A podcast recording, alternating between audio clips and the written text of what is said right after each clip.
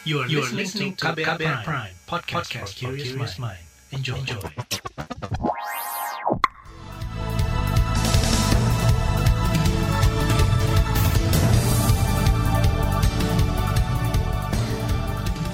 Selamat pagi saudara, senang sekali kami bisa menjumpai Anda kembali melalui program Buletin Pagi edisi awal pekan Senin 22 Februari 2021 bersama saya Agus Lukman. Sejumlah informasi pilihan telah kami siapkan di antaranya pemerintah memastikan vaksinasi COVID-19 mandiri tidak mengurangi hak penerima vaksin gratis. Ekonom mengkritik rencana pengurangan PPNBM otomotif. Empat ibu rumah tangga ditahan polisi akibat memprotes pabrik rokok di Nusa Tenggara Barat. Inilah buletin pagi selengkapnya. Terbaru di buletin pagi. Saudara pemerintah menjamin program vaksin gotong royong atau vaksin mandiri untuk melawan COVID-19 tidak akan mengurangi hak para penerima vaksin gratis. Menteri Kesehatan Budi Gunadi Sadikin mengatakan program vaksin gotong royong justru membantu pemerintah untuk mempercepat program vaksinasi COVID-19 untuk mencapai target kekebalan kelompok. Jadi walaupun ada program vaksin ini tidak menghilangkan hak mereka untuk mendapatkan vaksin gratis. Ya. Yang kedua, bahwa vaksin gotong royong ini merupakan kerjasama antara pemerintah dengan seluruh stakeholder lainnya, termasuk pihak swasta, untuk bisa melakukan percepatan program vaksinasi ini. Karena kita juga sampai sekarang belum ada bukti ilmiah yang pasti yang menyatakan berapa lama vaksin ini bisa memberikan kekebalan tubuh. Menteri Kesehatan Budi Gunadi Sadikin mengatakan vaksinasi COVID-19 harus terus dipercepat. Ia khawatir kekebalan dari penerima vaksin akan hilang ketika pandemi belum berakhir, sementara kekebalan kelompok belum tercapai. Pemerintah juga memastikan tidak akan ada orientasi bisnis pada pelaksanaan vaksinasi mandiri.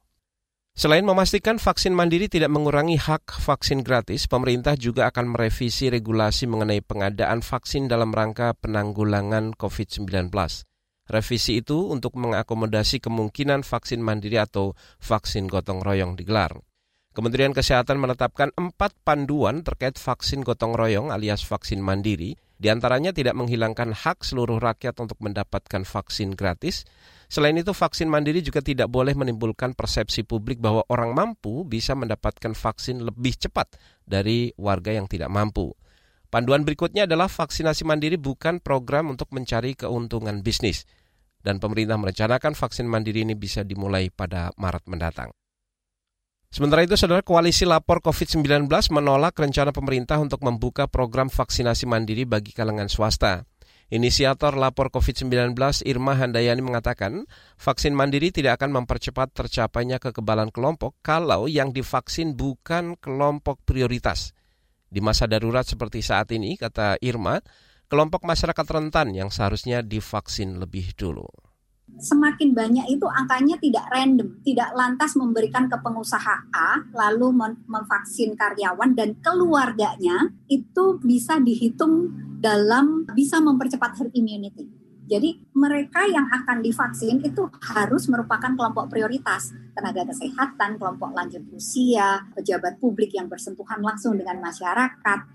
Inisiator dari lapor COVID-19 Irma Hendayan menambahkan, Pelaksanaan vaksinasi mandiri yang hanya menyasar kalangan swasta dan bukan kelompok rentan hanya akan memunculkan masalah baru. Karena pada saat yang sama pemerintah masih harus menanggung risiko kematian kelompok rentan yang belum divaksin. Irma menyarankan kalangan swasta lebih baik bergotong royong membantu percepatan vaksin gratis yang kini sedang dilaksanakan pemerintah. Kritikan juga datang dari Koalisi Masyarakat Sipil untuk Kesehatan dan Kesejahteraan Sosial. Koalisi mendorong pemerintah untuk menunda pelaksanaan vaksin COVID-19 secara gotong royong atau mandiri. Anggota koalisi sekaligus Direktur Lembaga Studi CISDI, Olivia Herlinda mengatakan, program vaksinasi seharusnya mengutamakan untuk menekan tingkat kesakitan atau kematian pada kelompok rentan. Program vaksin mandiri juga dinilai terlalu prematur atau terlalu dini dilakukan karena dari sisi pemenuhan kebutuhan vaksin baik tingkat global maupun domestik masih sangat terbatas. Sementara itu rencana program vaksinasi mandiri mendapat dukungan dari Gubernur Jawa Barat Ridwan Kamil. Ridwan Kamil mengatakan program vaksinasi mandiri bisa membantu pencapaian target kekebalan kelompok yaitu 70 persen dari total 50 juta penduduk Jawa Barat. Tapi Ridwan mengingatkan sejumlah kendala mengancam kegagalan target vaksinasi, mulai dari ketersediaan vaksin hingga kecepatan penyuntikannya. Kalau herd immunity ini mau dicapai, maka semua metode manajemen penyuntikan vaksin secepat-cepatnya itu yang kita pilih. Kalau ternyata vaksin mandiri ini mempercepat uh, terjadinya hari immunity, saya sangat setuju. Yang penting adalah apa manajemen penyuntikan mandiri itu tidak mengganggu jadwal yang sudah diatur di uh, puskesmas ibaratnya begini semua itu gratis Anda orang kaya ya Anda juga gratis tapi kalau mau mandiri ya Anda harus bayar karena Anda ngatur jadwal sendiri Gubernur Jawa Barat Ridwan Kamil menyebut kendala lain guna mencapai target kekebalan kelompok melalui vaksinasi COVID-19 adalah kendala infrastruktur atau jumlah puskesmas yang kurang memadai dalam melayani desa dan kelurahan. Sementara itu, saudara, untuk mempercepat vaksinasi COVID-19 dan mencapai target kekebalan kelompok, pemerintah disarankan untuk menyediakan opsi lain program vaksinasi. Ketua Kelompok Kerja Perhimpunan Dokter Paru Indonesia, PD PI, PR Lina Burhan mengatakan, opsi lain itu misalnya mengizinkan suntik vaksin mandiri atau berbayar.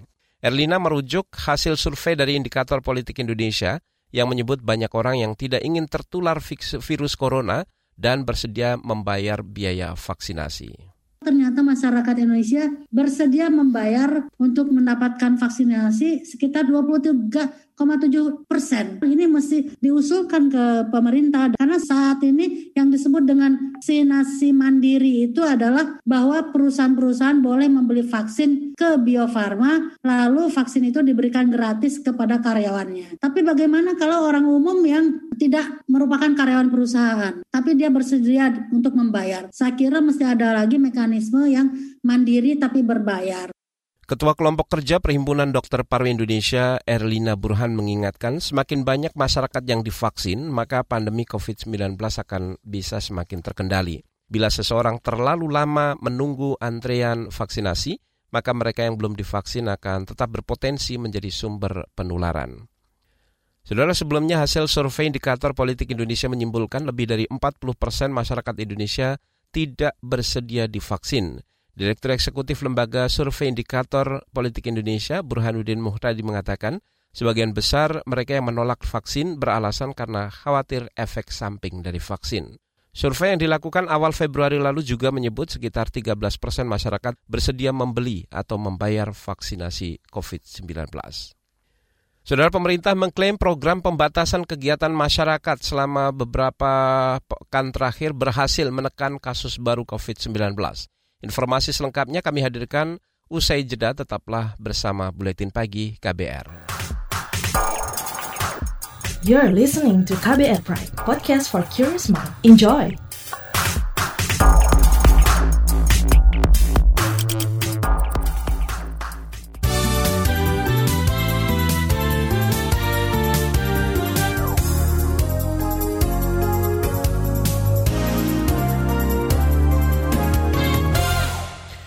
Saudara pemerintah mengklaim pemberlakuan pembatasan kegiatan masyarakat atau PPKM skala mikro sudah mampu menekan dan me, menekan penambahan jumlah kasus baru COVID-19. Ketua Komite Penanganan COVID-19 dan Pemulihan Ekonomi Nasional Erlangga Hartarto mengatakan penurunan angka kasus baru itu bahkan bisa mencapai minus 17 persen.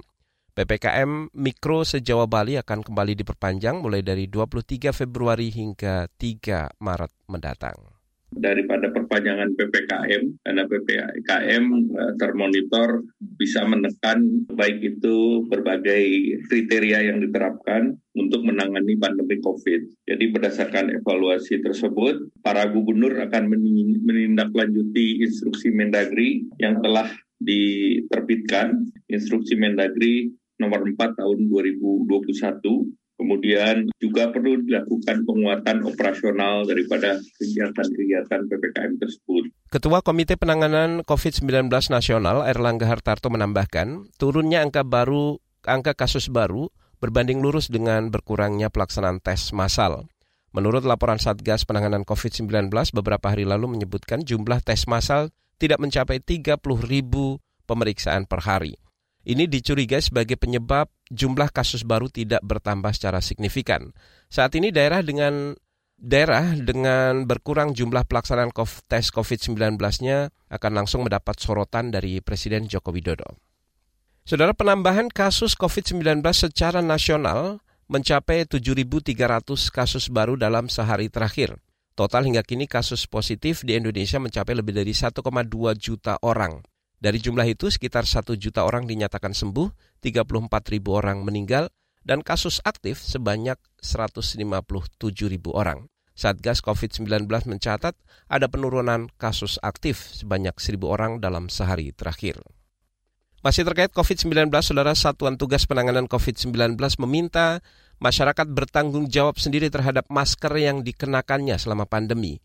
Ketua Bidang Penanganan Limbah Medis dari Satgas COVID-19, Lia Partakusuma mengatakan, masker tidak boleh dibuang sembarangan karena termasuk limbah medis. Sampah masker harus dikelola secara benar agar tidak menjadi sumber penularan virus corona. Maka kita harus melakukan desinfeksi, kemudian kita rusak baik masker maupun talinya, kita masukkan ke dalam kantung ataukah kertas ataukah plastik yang tertutup, kita berikan tanda ya, dan kemudian baru kita lakukan pengumpulan membuat tempat-tempat pengumpulan masker di kantor-kantor ataupun di rumah sehingga nanti bisa diangkut oleh petugas kebersihan dengan aman. Mudah-mudahan semua kita sadar kitalah yang bertanggung jawab atas lingkungan kita sendiri. Itu tadi Ketua Bidang Penanganan Limbah Medis Satgas COVID-19 Lia Partakusuma.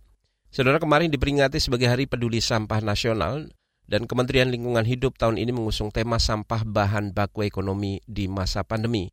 Selain isu mendayagunakan sampah, masalah limbah medis termasuk sampah masker juga menjadi keprihatinan bersama.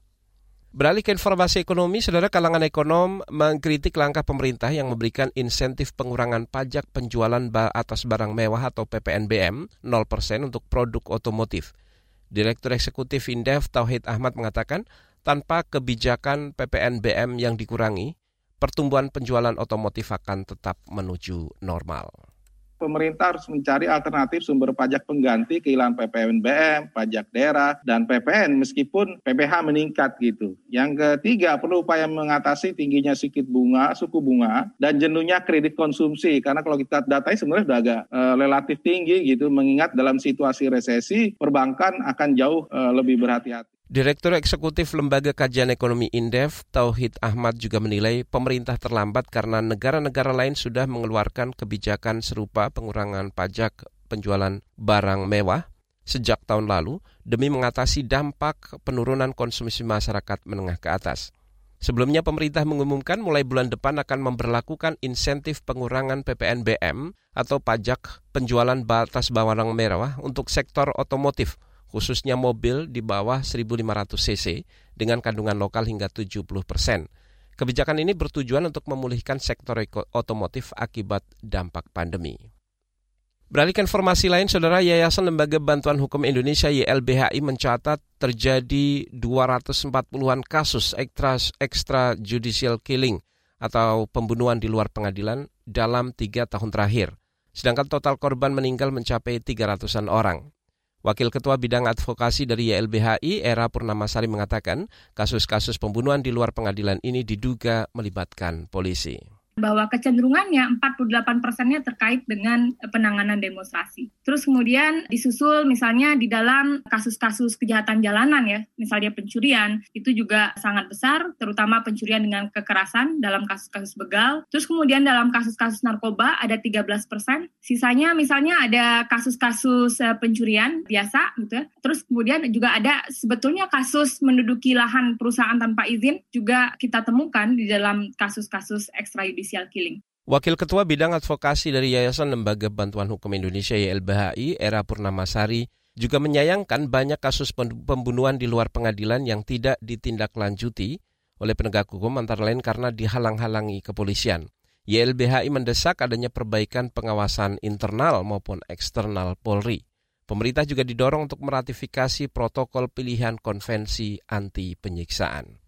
Kita beralih ke informasi olahraga dari ajang Liga Inggris. Saudara klub Manchester City meraih kemenangan ke-18 beruntun di Liga Inggris setelah menaklukkan tuan rumah Arsenal dengan skor tipis 1-0. Kemenangan ini mengukuhkan Manchester City di puncak klasemen sementara Liga Inggris dengan koleksi 59 poin. Sedangkan Arsenal turun ke posisi 10 klasemen sementara dengan 34 poin. Sementara Manchester United kembali merebut posisi dua klasemen sementara setelah menang 3-1 atas Newcastle United di Stadion Old Trafford.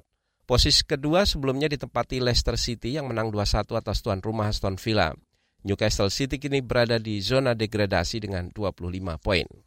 Kita ke mancanegara, saudara pengelola aplikasi Facebook menghapus halaman depan ak akun Facebook milik militer Myanmar, yaitu halaman Tim Informasi Berita Benar Tatmadaw. Penghapusan itu dengan alasan karena akun itu melanggar aturan hasutan kekerasan. Tatmadaw adalah nama lain dari militer Myanmar. Perwakilan Facebook menyatakan pelanggaran terjadi ketika akhir pekan lalu, dua pengunjuk rasa di Myanmar penentang kudeta militer tewas pasca bentrokan atau tembakan dari polisi. Dalam beberapa tahun terakhir Facebook telah terlibat melawan maksud kami Facebook telah terlibat dalam aktivitas hak-hak sipil dan partai politik demokratis di Myanmar termasuk melawan junta militer. Saudara laporan khas KBR mengenai wacana kepala desa hingga pengurus BUMDes disekolahkan sampai sarjana akan kami hadirkan sesaat lagi. Tetaplah di Buletin Pagi KBR. You're listening to KBR Pride, podcast for curious mind. Enjoy!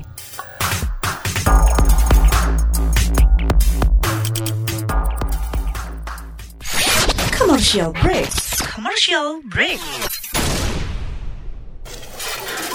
Vina, seorang volunteer dari komunitas Biho memberi pesan kepada teman-teman Broken Home untuk dapat bangkit dari keterpurukan dan mampu berdikari jangan sampai kalian menikah saat kalian belum siap. Itu penting banget. Jadi selama masih muda nikmati aja masa mudanya. Carilah hal-hal positif yang bermanfaat buat masa muda kalian. Sehingga nanti kalian ketika pun sudah memiliki pasangan, mau mencari pacar misalkan atau sudah ingin menikah, kalian sudah benar-benar matang agar apa yang kalian alami tidak terjadi kembali kemudian hari.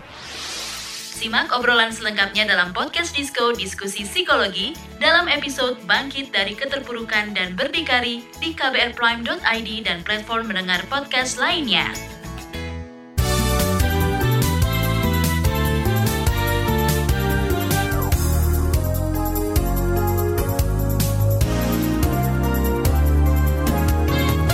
Anda masih bersama kami di Buletin Pagi KBR. Saudara pemerintah berencana meluncurkan program pendidikan lanjutan bagi kepala desa hingga pengurus badan usaha milik desa atau BUMDes akan disekolahkan hingga sarjana dalam rangka peningkatan kapasitas SDM desa. Berikut laporan tim KBR yang disampaikan Valda Kustarini. Afirmasi rekognisi pembelajaran lampau ini tidak hanya untuk pendamping desa, tapi juga untuk kepala desa, perangkat desa, baik di level S1 maupun S2. Ini adalah pernyataan Menteri Desa Pembangunan Daerah Tertinggal dan Transmigrasi, Abdul Halim Iskandar, yang membuka peluang bagi kepala desa menempuh pendidikan lanjutan. Tak hanya kepala desa, kesempatan belajar atau disekolahkan juga diperuntukkan bagi pengurus badan usaha milik desa atau BUMDes dan pendamping desa yang ingin program tersebut diluncurkan tahun ini. Sekarang lagi disusun kurikulum dan silabi serta nilai konversi. Nanti sore rapat lagi Pertides dikebut terus karena saya ingin kalau bisa di bulan Agustus di semester ganjil nanti bisa mulai dilaksanakan. Konvers virtual ini berlangsung pada Selasa 16 Februari pekan lalu. Pertides yang ia maksud adalah forum perguruan tinggi untuk desa yang beranggotakan tak kurang dari 80 kampus. Abdul Halim mengklaim telah mendapat lampu hijau dari Kementerian Pendidikan dan Kebudayaan serta Kementerian Dalam Negeri. Gagasan tentang program ini sudah mencuat sejak 2019 silam. Karena sebagai seorang leader harus terus melakukan upaya peningkatan kapasitasnya. Nah, sementara belajarnya sudah belajar pengalaman. Keberhasilan belajar itu lebih banyak justru pada pengalaman. Nah, permasalahannya tidak mendapatkan sertifikasi yang layak. Makanya perlu ada afirmasi pendidikan tinggi bagi desa. Abdul Halim memandang program ini akan bermanfaat dan berdampak positif bagi kemajuan desa dan pembangunan berkelanjutan. Kementerian Desa mencatat, sebagian kepala desa, yakni 40-an ribu orang atau 60 persen, merupakan tamatan SMA. Sedangkan yang bergelar sarjana hanya 20-an persen Bahkan ada 800-an orang yang tak tamat sekolah dasar. Afirmasi juga diberikan untuk kepentingan D1 sampai D3. Jadi nanti lulusan SMU ini bisa ngambil D1, D2, bisa ngambil D3, dan juga bisa ngambil S1. Sedangkan ya, kepala desa yang lulus S1 banyak aspirasi yang menginginkan agar bisa meraih level S2. Program studi sarjana yang disiapkan bakal sesuai dengan kebutuhan pembangunan desa. Para tokoh desa memahami dasar akademis dari kebijakan, pelaksanaan pemerintahan, implementasi pembangunan desa, pemberdayaan masyarakat, dan bisnis BUMDes yang selama ini mereka kerjakan. Juga memahami metodologi dan penggunaan data. Tambahan insentif juga menanti bagi kepala desa yang berprestasi. Keberhasilannya dalam memajukan desa bakal diapresiasi dalam bentuk kredit semester. Misalnya, kepala desa dua periode dan sukses penyetaraannya dapat berapa SKS. Itu akan banyak konversi SKS-nya untuk program studi pemberdayaan masyarakat. Tapi dibanding program studi manajemen, itu agak lebih sedikit berkurang. Program ini disambut antusias oleh Irwan, Kepala Desa Poncokusumo, Kabupaten Malang, Jawa Timur. Irwan termasuk yang belum sempat mengenyam pendidikan sarjana lari saya langsung berangkat ya tidak perlu nggak perlu nawar saya bayar 50 persen saya mau apalagi gratis malah seneng saya tinggal jurusannya itu apa saya itu sebetulnya diplomatika bahasa Inggris. Kalau kita hubungkan dengan tata kelola pemerintahan desa, nggak ada dasar sama sekali. Tapi saya memasukkan persyaratan itu hanya sampai SMA. Undang-undang tentang desa memang mengatur syarat minimal calon kepala desa adalah berpendidikan SMP atau sederajat. Meski sudah melampaui syarat itu, Irwan merasa masih minim pengetahuan tentang bagaimana memimpin dan memajukan desa. Di tataran realita, kata dia, banyak pimpinan dan perangkat desa yang tak paham tugas pokok dan fungsi mereka. Kondisi ini membuat mereka rentan bermasalah dengan hukum kepala desa ini masih banyak yang tidak paham tentang tata kelola pemerintahan desa. Ini yang akibatnya banyak kepala desa yang terjerat masalah hukum karena ketidakpahaman. Itu catatan yang paling penting selama ini. Supaya kepala desa seluruh Indonesia ini memahami tentang tugas-tugasnya. Sehingga tidak kalah dengan perangkatnya. Masih banyak kepala desa itu yang menjadi apa? Menjadi boneka perangkat. Irwan berharap program pendidikan lanjutan bagi kepala desa benar bakal terwujud. Sebab Sejatinya ini bukan wacana baru karena pernah digaungkan oleh Bupati Malang Muhammad Sanusi tetapi tak kunjung terlaksana. Ia meminta pemerintah pusat maupun daerah menyiapkan rincian aturan dan mekanismenya agar program berjalan lancar. Itu dibuka dulu database-nya. Jadi kalau sudah begitu, nanti Kemendes menetapkan satu aturan. Kepala desa yang lulusan SMP diwajibkan untuk mengikuti ujian kesetaraan untuk, untuk memperoleh ijazah Atau yang sederajat, pemerintah harus membersihkan itu. Demikian laporan tim KBR, saya Valda Kustarini. Dan saudara informasi dari daerah akan kami sajikan usai jeda tetaplah di Buletin Pagi KBR. You're listening to KBR Pride, podcast for curious mind. Enjoy!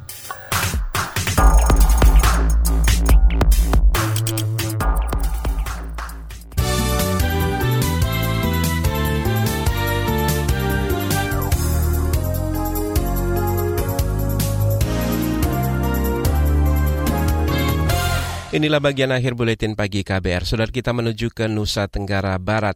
Kasus empat orang ibu rumah tangga yang ditahan polisi karena menolak keberadaan pabrik rokok menuai banyak perhatian. Sejumlah tokoh daerah mengajukan diri sebagai penjamin agar penahanan mereka ditangguhkan. Tim kuasa hukum dari empat orang ibu tersebut, Ali Usman Ahim, mengatakan hari ini timnya akan meminta Kejaksaan Negeri Praya Lombok Tengah untuk menangguhkan penahanan kliennya kan kami akan tangguhkan penahanannya dan alhamdulillah ya Bupati Lombok Tengah, Ketua DPR Kabupaten Lombok Tengah dan Sekretaris DPD Partai Gerindra Provinsi NTB ya bersedia menjadi penjamin. Makanya kita akan sampaikan besok ke pengadilan. Itu tadi koordinator kuasa hukum Ali Usman Ahim. Kasus ini bermula saat ibu rumah tangga melempari pagar pabrik rokok menggunakan bambu dan batu kecil. Pabrik rokok berada di dekat desa rumah mereka di desa Wajegeseng, Kecamatan Kopang, Lombok Tengah. Polisi menjerat empat ibu itu dengan pasal kekerasan terhadap barang dengan ancaman penjara maksimal lima tahun. Saudara informasi tadi menutup jumpa kita di Buletin Pagi hari ini. Pantau juga informasi terbaru melalui kabar baru situs kbr.id, Twitter kami di akun @beritaKBR serta podcast di alamat kbrprime.id. Akhirnya saya Agus Lukman bersama tim yang bertugas kami undur diri. Salam.